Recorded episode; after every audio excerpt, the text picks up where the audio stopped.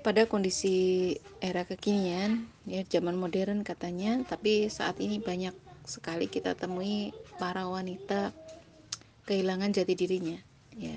Sebagian besar para wanita di zaman sekarang itu senang ketika dia tampil cantik dan menarik ketika dia keluar rumah. Sehingga akhirnya dia banyak menghabiskan waktu tenaga uangnya agar bisa dia tampil cantik dan semenarik mungkin bahkan sebagian ada yang merasa mulia dan percaya diri jika dia bekerja maunya jabatan ya. Kemudian karirnya cemerlang itu dianggap sebagai sebuah bargaining position yang cukup baik di tengah kondisi masyarakat. Bahkan ada yang sampai rela bekerja meskipun tempat kerjanya jauh ya. Full kerjanya pagi sampai sore malam bahkan ya sampai dia meninggalkan anak keluarga semua di rumah ya. Sampai kemudian hal ini mereka nggak menjadikan itu sebagai sebuah masalah. Seakan-akan uh, wanita seperti ini dianggap secara posisinya di masyarakat jauh lebih tinggi. Sehingga kalau kita perhatikan justru adanya liberalisme inilah yang kemudian menjadikan wanita-wanita hari ini justru terkesan rendah ya secara kualitasnya. Karena apa? Wanita hanya dihargai dan dianggap mulia dari sisi kecantikannya yang pertama. Yang kedua dari sisi materi atau harga yang harta yang mereka miliki. Akhirnya kan pada hakikatnya justru liberalisme inilah ya yang memuliakan wanita itu hanya dari harta dan kesantikannya tidak menghargai benar-benar dari sisi wanitanya itu sendiri. Nah jadi ketika wanita harus bekerja dan meninggalkan kewajiban utamanya sebagai ibu dan pendidik anak-anak pengatur rumah tangga itu tidak dijadikan sebagai sebuah masalah ya. Bahkan suaminya ditinggalkan. Sekarang banyak sekali perceraian. Ya anak-anak kurang perhatian itu dianggap sebagai tidak sebagai sebuah masalah. Dan kapital liberalisme nggak pernah salah ya dalam kejadian-kejadian maraknya perceraian akhir-akhir ini. Ya dalam Islam sebenarnya justru berbeda. Dalam Islam justru kedudukan wanita mulia itu tidak pernah dilihat dari si kecantikannya tidak dilihat dari hartanya, tidak dilihat dari jabatannya, posisinya itu bukan. Tapi sama seperti yang disebutkan dalam Al-Qur'an, "Inna akramakum indallahi atqakum." Ya. Jadi dilihat hanya dari sisi ketakwaannya saja. Orang yang paling mulia di sisi Allah adalah orang yang paling bertakwa di antara kalian. Itulah standar kemuliaan dalam Islam. Nah, semakin mulianya wanita, ya, kalau dia dalam rumah tangga, dia mengambil peran dengan cara apa? Dia sebagai ibu dan pengatur rumah tangga umum warabatul bait yang dia bertanggung jawab terhadap seluruh tugas rumah tangganya. Ya di bawah kepemimpinan suaminya kepemimpinan suaminya. Jadi suami nanti sebagai pemimpin rumah tangga dia berarti wajib ya untuk memimpin melindungi memberi nafkah kepada anggota keluarganya. Dan Rasulullah pun juga bersabda kan ada dalam hadis wanita adalah penanggung jawab dalam urusan rumah tangga suaminya dan anak-anaknya Nah wanita ini nanti akan dibebani dengan tugas sebagai umum, sebagai ibu dan juga robatul bait, pengatur rumah tangganya. Nah wanita yang mulia ini adalah yang paling bertakwa, yaitu wanita yang beraktivitas sesuai dengan tuntunan syariat. Jadi wanita yang bertakwa ya jelas dia mampu menjalankan perannya dengan baik ya, melaksanakan kewajiban-kewajibannya sebagai istri, sebagai ibu, pendidik anak-anaknya, pengatur rumah tangganya ya dan dia semuanya atur dengan aturan yang baik ya dengan pengaturan yang baik, menciptakan suasana yang kondusif untuk suami dan anak-anaknya di rumah ya untuk menggapai kemuliaan yaitu sebagai pemimpin orang-orang yang bertakwa. Masya Allah.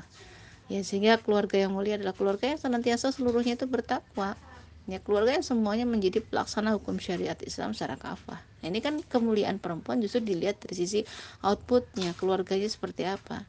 Ya karena sampai saat ini kita perlu tahu ya justru standarisasi dengan adanya materi kemudian kebahagiaan itu hanya diukur dari sisi capaian-capaian secara fisik itu sesuatu yang pada pada akhirnya itu tidak akan berujung kepada kebahagiaan yang hakiki. Ya dan keluarga yang bertakwa ini jelas tidak mengorientasikan hanya kepada kehidupan dunia. Ya karena apa? Mereka di dalamnya akan saling menasehati dalam kesabaran dalam kebaikan menjaga diri bagaimana supaya orientasi kehidupannya senantiasa menjadi kehidupan akhirat. Suaminya di sini bapaknya mendidik istrinya mendidik anak-anaknya ya memfasilitasi uh, keluarga supaya bagaimana bisa menjalankan kewajiban dengan sebaik-baiknya. Ya termasuk juga tidak meninggalkan amar ma'ruf nahi jelas ya. Jadi nggak uh, ada alasan karena sibuk kerja nggak ngaji karena sibuk kerja nggak dakwah nggak amar ma'ruf nahi nggak bisa. Nah di dalam rumah tangga inilah seorang wanita ya dia wajib melaksanakan kewajiban-kewajibannya. Taat pada suaminya keluar rumah dia harus izin menyenangkan jika dipandang ya mengatur keluarga dengan sebaik-baiknya ya supaya seluruhnya itu nyaman ya. Inilah tugas robatul bait atau pengatur rumah tangga itu maksudnya di situ makanya sampai muncul merasakan uh, seluruh anggota keluarga itu merasakan baiti janati ya rumahku adalah surgaku itu tugasnya seorang ibu di sini Nah, bagaimana dia akan menciptakan rumah surga kalau dia banyak aktivitasnya ternyata banyak prioritasnya itu di luar rumah, ya kan? Ya, dia nggak bisa melakukan dengan optimal pastinya. Pasti ada yang terbengkelai dari kewajiban-kewajibannya. Apa bisa diganti dengan pembantu? Nah, ini berbeda urusan lagi nanti kalau sudah demikian. Ya, tetap peran istri tidak bisa digantikan dengan pembantu. Ya, berbedanya dengan hanya sekedar pengaturan-pengaturan teknis tidak menjadi masalah. Nah, sisi yang lain kan kita perlu perhatikan ada tugas mulia dalam uh, bagi seorang wanita yaitu sebagai pendidik anak-anaknya. Ini peran ini tidak bisa tergantikan. Kalau sekolahnya sekolah yang bonafis, sekolah yang mahal, apakah itu bisa tergantikan? Tetap tidak bisa. Karena seorang ibu ya, seorang ibu pastinya ya kita pasti akan melihat outputnya itu ada pada anak-anak kita. Ya, Islam punya gambaran tokoh-tokoh Islam yang pernah tercatat dalam sejarah dengan tinta emas. Ya, Imam Ashokani contohnya. Ulama besar mustahid pakar pendidikan itu nulis nggak cuma satu dua buku atau sepuluh buku. 348 judul buku. Masya Allah luar biasa kan? Kemudian ada Jabir bin Hayyan ini pakar kimia yang menciptakan skala timbangan akurat. Ya dia menulis sampai 200 buku 8 buku di antaranya itu di bidang kimia. Imam Bukhari ya beliau telah meneliti 300 ribu hadis yang diriwayatkan seribu orang. Dan hadis yang dipilih hanya yang sahih masya Allah. Imam Syafi'i bayangkan Imam Syafi'i di al fikih hafal Quran di usia 7 tahun ya karya-karyanya luar biasa. Imam Hambali juga sama ahli hadis. Ahli fikih mustahid karyanya juga e, digambarkan luar biasa. Beliau telah memeriksa 750 ribu hadis dan beliau memilih hadis yang sahih hanya 40 ribu. Bayangkan orang-orang hebat pada masa lalu yang tadi ulama-ulama besar tadi kan tidak mungkin terlahir dari ibu yang sekedar ibu-ibu biasa ya kan? Tapi ibu yang mereka mampu mendidik anak-anaknya pada hal yang demikian dan membawa pada ke kegemilangan dan kejayaan umat Islam dan kaum muslimin pasti adalah ibu-ibu yang mulia ibu yang memahami betul kewajibannya untuk mengasuh dan mendidik anak-anaknya menjadi orang yang mulia ya meskipun anaknya telah besar ya akan dididik oleh orang lain tapi kan ibulah fondasi pendidikan pertama dari mereka. Ibu itu madrasatul ula dan pendidikan pertama bagi anak-anak kita. Sehingga ibu ini bertanggung jawab terhadap tugas yang mulia yaitu dari si pengaturan rumah tangga serta pengasuhan dan pendidikan anak-anaknya. Masya Allah luar biasa. Ya di sinilah kita akan menghantarkan. Ya para perempuan di sinilah yang seharusnya nanti punya pemikiran bagaimana dia bisa uh, apa namanya menjadi ibu yang memiliki kualitas yang mumpuni untuk bisa mendidik anaknya menjadi anak yang solih menjadi mustahid menjadi inovator menjadi pejuang yang tangguh ya. Bahkan bisa sampai memantarkan kepada kejayaan Islam dan kaum muslimin. Masya Allah. Ini loh peran penting seorang wanita.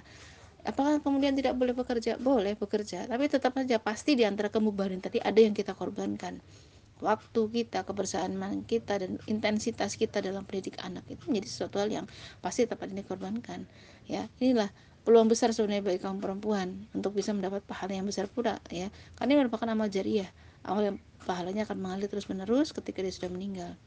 Ilmu yang diberikan kepada anak-anaknya akan menjadi amal jariah bagi ibunya ketika anaknya terus mengamalkan dan menyampaikan bahkan kepada orang lain.